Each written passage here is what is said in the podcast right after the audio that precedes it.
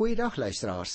Jy sal onthou dat ons besig is met die middelste gedeelte of die tweede groot gedeelte in die evangelie volgens Johannes se beskrywing waar dit gaan oor die feit dat Jesus bekend gestel word deur nie net wat hy sê nie, maar ook deur dit wat hy doen.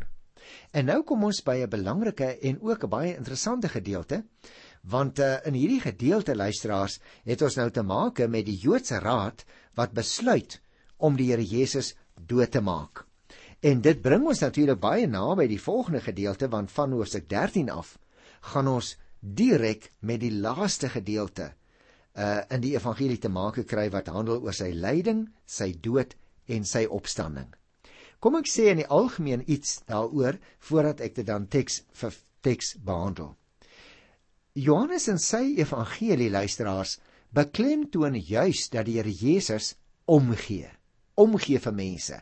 En is natuurlik heeltemal teenstrydig met die Griekse beskouing van daardie tyd dat God enigsins mens kon word. Wat nog te sê om emosioneel by mense betrokke te raak en om om te gee vir mense. Maar Johannes, die apostel van die liefde, wil juis die omgee van die Here Jesus by mense en vir mense beklemtoon.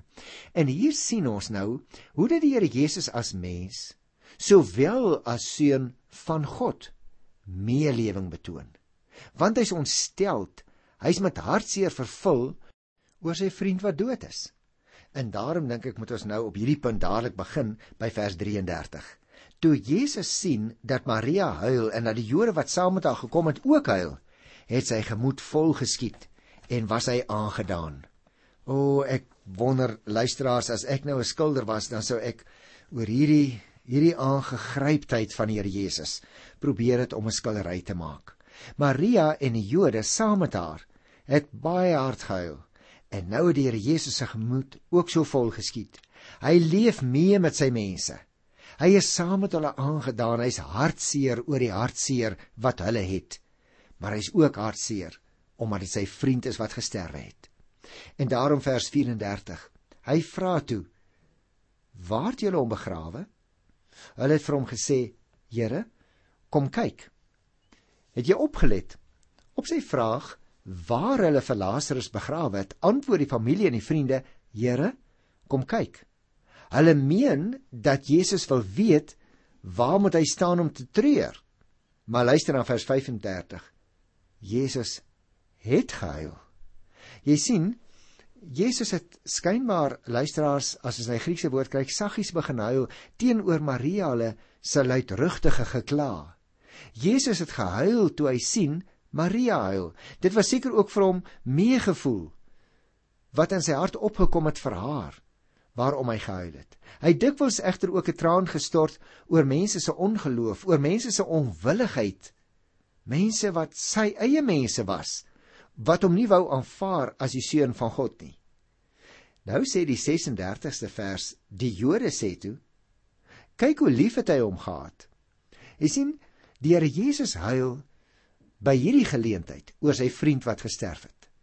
Hy is aangeraak deur die vrouens se hartseer, maar hy is ook by geleentheid aangeraak omdat mense ongelowige gebly het. Hulle wou nie in hom glo nie. Hy hy huil oor mense wat nie wil inkom in die koninkryk van God nie. Maar die Jode, die Jode het gedink Jesus huil net oor Lazarus. Hulle verstaan nie die dieper betekenis van die Here Jesus se trane nie. Vers 37 vertel vir ons party van hulle het ook gesê kon hy wat die oë van 'n blinde man genees het nie ook gemaak het dat hierdie man nie sterwe nie? Jesus se gemoed het weer vol geskiet toe hy by die graf kom. Dit was 'n rotsgraf. Daar was 'n klip voor die ingang gerol. Die familie en die vriende luisteraars is opreg en ernstig in hulle bedoeling wanneer hulle vra of Jesus nie ook vir Lazarus kon genees het, soos hy met die blinde man gedoen het nie. Dit staan tog vas dat die genesing van die blindgebore man 'n groot indruk op hulle gemaak het. Die vooraanstaande mense in Israel is destyds dikwels in 'n grot begrawe soos Lazarus, want ons lees dit hier. Voor die ingang van die horisontale rotsgraf is dan 'n klip gerol om natuurlik nou wille diere wat dalk die liggaam nou kan kom beskadig en begin vrede aan om dit weg te hou en dit te verhoed. Gedurende daardie tyd moet ons ook onthou luisteraars, was daar soms ook grotkamers wat in sandsteen heuwels uitgegrawe is. En soms is daar ook meer as een liggaam in so 'n grafkamer in die rotswande neergelê. Na die begrafnis is die groot klip dan eers aangebring. Nou daar is heelwat van daardie grafte gevind en die van julle wat nou miskien al daar by die tuingraf in Jerusalem was, ons kan nie regtig aanvaar dit is finaal die graf waar die Here Jesus gelê het nie, waarskynlik is dit nie is die vorige eeu ontdek deur 'n Engelse argeoloog met die naam van Gordon. Maar dit is wel vir ons van belang omdat dit vir ons baie interessante perspektief gee oor hoe die grafte wat in tuine was, baie van hulle destyds, hoe dit gelyk het. Uh en daarom is dit tog interessant om die graf daar te besoek. Uh en die graf waar Lazarus in was, was nou een van hierdie soort grafte. Luister nou na vers 39. Jesus sê toe: "Rol die klip weg." Maar Martha, die suster van die oorledene, sê vir hom: "Here, hy ruik al, want dit is al die 4de dag." Die Here Jesus gee nou opdrag dat die klip weggerol moet word. Die naakte werklikheid van Lazarus se dood word beklemtoon deur Martha se protes dat haar broer se liggaam al ontbind. En dit dien nou om Jesus se wonder wat gaan volg kragtiger te laat uitstaan. Alhoewel die Jode olies in speserye gebruik het om 'n lijk te versorg in daardie tyd, was dit natuurlik nou nie so permanent en so doeltreffend soos byvoorbeeld die Egiptiese metode van balseming nie. Want daar sal jy weet, luisteraars, jy het al prente gesien of fotos, sommige van julle was waarskynlik al self in Egipte na die mummies gaan kyk. Dit verstomme mense net eenvoudig om uh, te sien dat 3, 4 1000 jaar lank 'n liggaam behoue kan bly. Maar dit is nie die soort van 'n uh, grafbehandeling wat mense toegepas het in Israel nie. Vers 40. Jesus sê toe vir haar: "Het ek nie vir jou gesê as jy glo, sal jy die openbaring van die wonderbaarlike mag van God sien nie?" Dis baie interessant, die Here Jesus verwerp Martha se protes. Hy herinner haar eintlik aan 'n vorige uitspraak van hom. Haar geloof word getoets, want hy sê as jy glo, het ek nie vir jou gesê as jy glo, sal jy die openbaring uh, van die almag van die Here sien nie. Dit wat nou gaan gebeur luisteraars, sal net vir die geloofsoog bevatlik wees. Die Here Jesus beloof eintlik hier aan Maria dat sy deur haar geloof ook die openbaring van die mag van God sal raak sien. En dis 'n baie belangrike punt waaroor ek nog een of twee opmerkings wil maak voor ek aangaan. Luisteraars in ons tyd wil mense dit soms omkeer. Hulle vra soos die Jode destyds gedoen het. Hulle vra 'n wonderwerk en dan sal hulle glo. Vir jou en vir my sien ons wat God doen en dan word ons geloof juis daardeur bevestig. Met ander woorde, ons sê nie Here laat hier nou 'n blom verskyn uit hierdie bolplant nie. En uh as dit nou nie gebeur nie, dan wil ons nie glo nie. Nee, ons is baie rustig daaroor. Wanneer die plant verskyn het, dan geniet ons die plant en dan sê ons as ons die blom sien, Here, U is wonderlik dat U nou nog steeds wonderwerke doen. Maar jy sien ons geloof is nie afhanklik van 'n wonderwerk of 'n wonderteken nie. Ons geloof word bevestig of versterk deur so iets. En daarom as ons nou by vers 41 verder lees. Hulle het toe die klip verder weggerol. Jesus het opgekyk boontoe en gesê: "Vader, ek dank U dat U my verhoor het. Ek weet dat U my altyd verhoor, maar ek sê dit ter wille van die mense wat hier rondom staan, sodat hulle kan glo dat u my gestuur het. O, toe daardie klip en daardie oomblikke voor die opening van die graf weggerol is, het Jesus in 'n kenmerkende gebedshouding opgekyk boontoe. Nou wil ek sê luisteraars, dit is een van die belangrike gebedshoudings, maar dit is nie die enigste gebedshouding nie. Daar is ook mense in die Ou Testament alreeds wat gekniel het, wat selfs neergeval het, uitgestrek gelê het op die grond. Dit gaan nie oor die gebedshouding nie. En daarom moet jy en ek ook nie uh sekere dinge begin doen wat nie eie is aan ons persoonlikheid om mense daarmee te beïndruk nie. Hier het die Here Jesus 'n bepaalde gebedshouding. Maar net kort hierna, dan sal hy kniel daar in die tuin van Getsemane pleit naby die grond dat sy Vader tog die beker by hom sal laat verbygaan. So ek wil net 'n opmerking daaroor maak dat ons nie moet dink daar is sekere gebedshoudings wat in die Bybel voorgeskryf word nie. Nee, dit word wel beskrywe, maar dit word nêrens voorgeskryf asof dit 'n opdrag is wat ons moet nakom nie. Let op wat doen die Here Jesus. Daar staan: Jesus dank sy Vader vir die verhoring van sy gebed ter wille van die omstanders. Dis 'n interessante opmerking sodat hulle kan sien dat Jesus nie iets uit homself doen nie. Dat hulle ook kan glo dat hy deur sy Vader gestuur is. Met ander woorde, luisteraars, ook by hierdie ingrypende gebeure vir daardie mense voor hulle eie oë soek die Here Jesus nog steeds die eer van sy Vader. Met ander woorde, ook dit waarmee hy besig is en wat nou gaan gebeur, is 'n wonderteken wat staan in diens van wie hy is. Hy verheerlik sy Vader staan dus in diens van wie sy Vader is.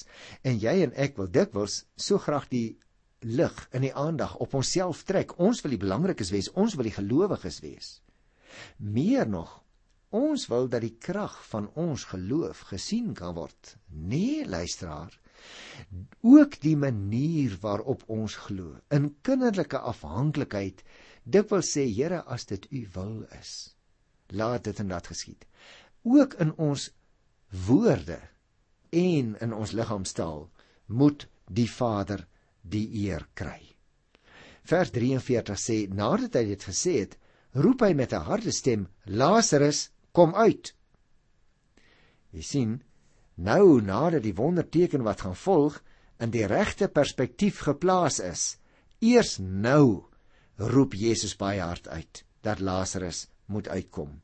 En dan die 44ste vers: Die oorledene het uitgekom Sy hande en sy voete was nog toegedraai met grafdoeke, sy gesig was toegebind met 'n kopdoek. Jesus het toe vir die mense gesê: "Maak hom los dat hy kan huis toe gaan."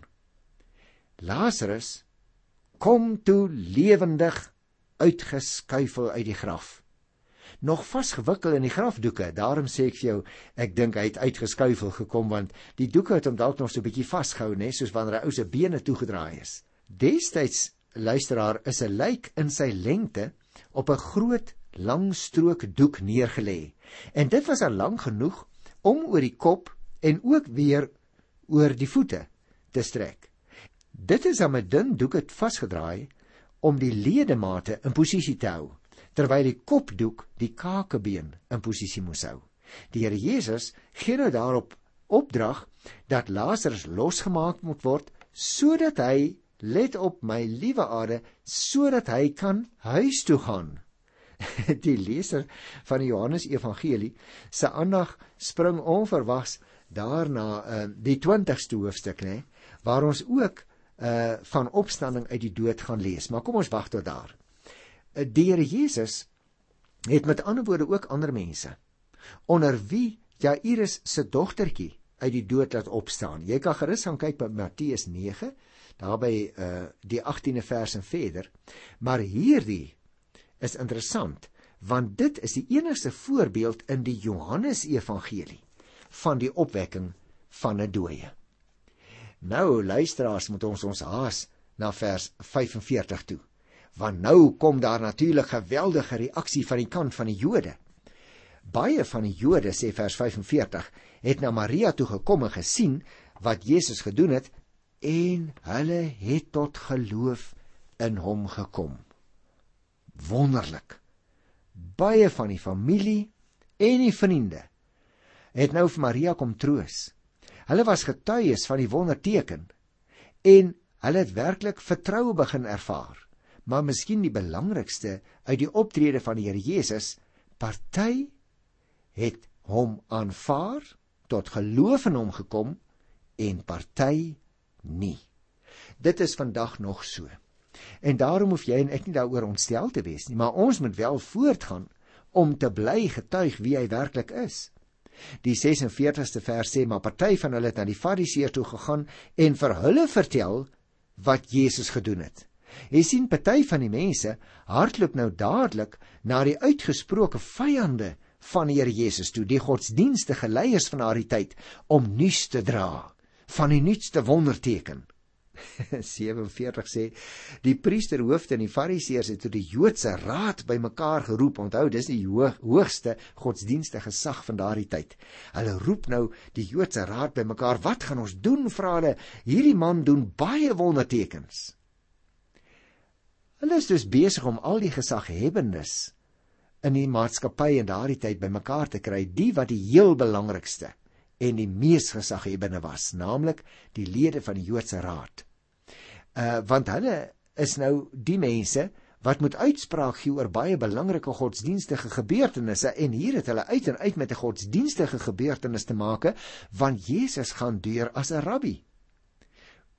Op die agenda was die vraag wat hulle as godsdienstige leiers nou te doen staan. Aangesien Jesus wonderteken na wonderteken doen en daardeur die volk verlei. So staan dit daar. Vers 48. As ons hom so laat aangaan, sal al die mense in hom glo.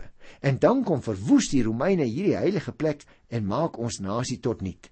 Jy sien luisteraar, hierdie Jesus oortuig al die mense om in hom te glo. En dit sal uiteindelik daartoe lei dat die Jode se heilige plek, naamlik die tempel, deur die Romeine verwoes gaan word en dit sal die einde van die Joodse nasie wees. Nou hoe ironies, né? Want uh so 40 jaar later het dit waar geword. Maar dit is natuurlik nie waarna hierdie mense verwys het nie. Hulle is bang nou in die onmiddellike gaan die Romeine hulle stad en hulle tempel verwoes. Kom ons lees vers 49 en 50. Een van hulle, 'n sekere Kajafas, wat daardie jaar hoë priester was, het egter vir hulle gesê: "Julle verstaan niks en julle besef ook nie dat dit tot julle voordeel is dat een man vir die volk sterwe en nie die hele nasie verlore gaan nie. Kajafas, jy onthou nog? Hy was die skoonseun van die vorige hoë priester Annas wat regeer het van 18 tot 36 na Christus. En hy reageer baie skerp. Hierdie Kajafas, hy beskuldig sy kollegas van kortsigtigheid. Kajafas meen sinies dat dit tot hulle bevoorregte klas se voordeel sou wees dat een man liewer vir die volk sterwe as dat die hele nasie verlore sou gaan. Met ander woorde, hy dink aan homself. Daai ouens aan die straat, ag nou ja, as hulle omkom, dan is dit nie so erg nie, maar ons.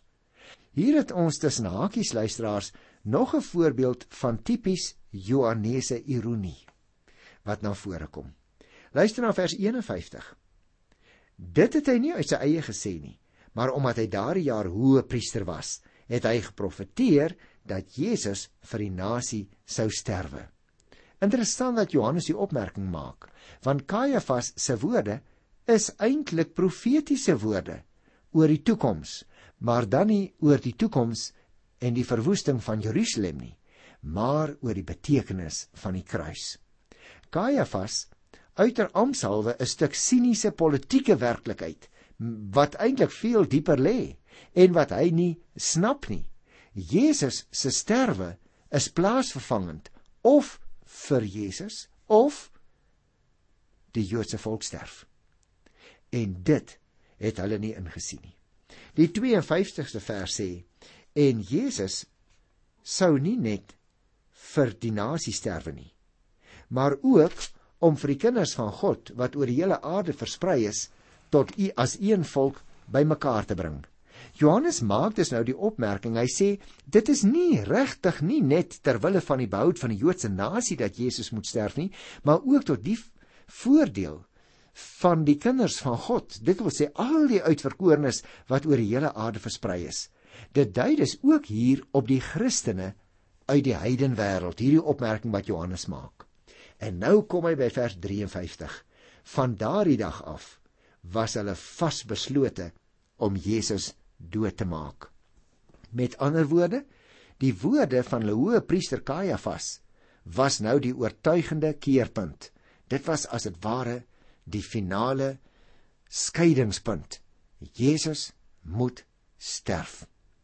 In vers 47 was die vraag uh waaroor ons net nou gesels het, wat gaan ons doen? En hier in vers 53 kry ons nou eintlik die antwoord. Ons gaan vir Jesus doodmaak. Dit is wat hulle eintlik op die oog het. Daarom, so sê vers 54, daarom het Jesus nie meer nie openbaar onder die Jode rondgegaan nie, maar daarvan af weggegaan in die streek naby die woestyn, na 'n dorp met die naam Efraim. Daar het hy met sy disippels 'n ruk gebly.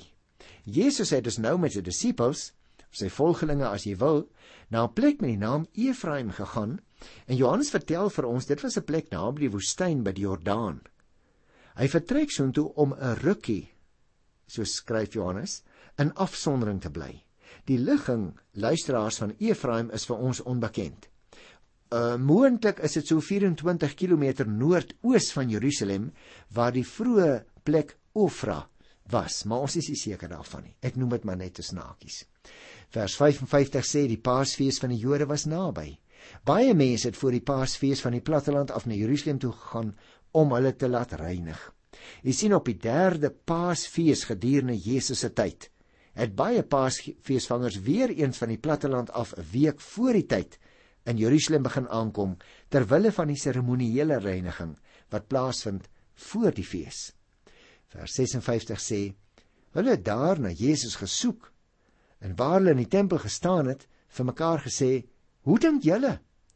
Hy sal seker nie fees toe kom nie." Of hoe? Hulle praat nou onder mekaar, luisteraars, en die opgewonde feesgangers soek na Jesus. Hulle bespiegel of hy dit tog nou sou waag daar by die fees, veral na die poging om hom te vang waarvan ons in hoofstuk 10 vers 39 gehoor het. En veral natuurlik ook na die besluit van die godsdienstige leiers om hom dood te maak, wat ons hier gelees het in vers 53. En dan die laaste vers van die hoofstuk, vers 57. Die priesterhoofde en die fariseërs het toe al klaar opdrag gegee dat as iemand weet waar hy is, hy dit moet aangee sodat hulle hom gevange kan neem. Jy merk dis op die hele Joodse masjinerie is in plek. Hulle wag nou net vir die oomblik om hom gevange te neem dat hy terugkom daar waar hy 'n paar dae in afsondering gaan bly het. As hy terugkom, dan gaan hulle hom vang. Hulle soek na hom. Mense praat oor hom. Almal wonder gaan hy na die fees toe kom. Nou as ek hierdie belangrike gedeelte mag saamvat in 'n paar sinne, dan sou ek net die volgende dinge wou opmerk luisteraars. Die Jode was eenvoudig nie bereid om te glo dat Jesus God is nie. Selfs al het hulle onbetwisbaar bewyse gesien van hierdie mense wat self gesien het wat Jesus doen. Van hierdie mense het hom nog steeds verwerp nog steeds planne gemaak om hom dood te maak. Hulle was so hardvogtig dat hulle God se seun liewer sou verwerp as om te erken dat hulle verkeerd was. Die Jode was bang dat 'n Jesus beweging sou ontstaan onder die volk wat dan natuurlik tot opstande sou lei en moontlik sou die Romeine dan wou ingryp en dit kan die Joodse volk 'n gevoelige slag toegedien het. Een ding staan egter vas soos 'n paal bo water. Die Here Jesus se teenwoordigheid en die Here Jesus se woorde, dan moet mense 'n keuse maak as hy naby kom, as hy praat. Sommige kies vir hom, ander kies ongelukkig teen hom. As jy vandag vir die eerste keer na ons program luister, mag ek mag ek vir jou nederigheid vra. Het jy al vir Jesus gekies. Want by hom, liewe luisteraar, aan die voete van die seun van God, aan die voete van die man uit Nasaret, daar gaan die paaie vir tyd en ewigheid finaal uiteen. Kom na hom toe. Ek groet jou in sy wonderlike naam tot volgende keer. Tot dan. Totsiens.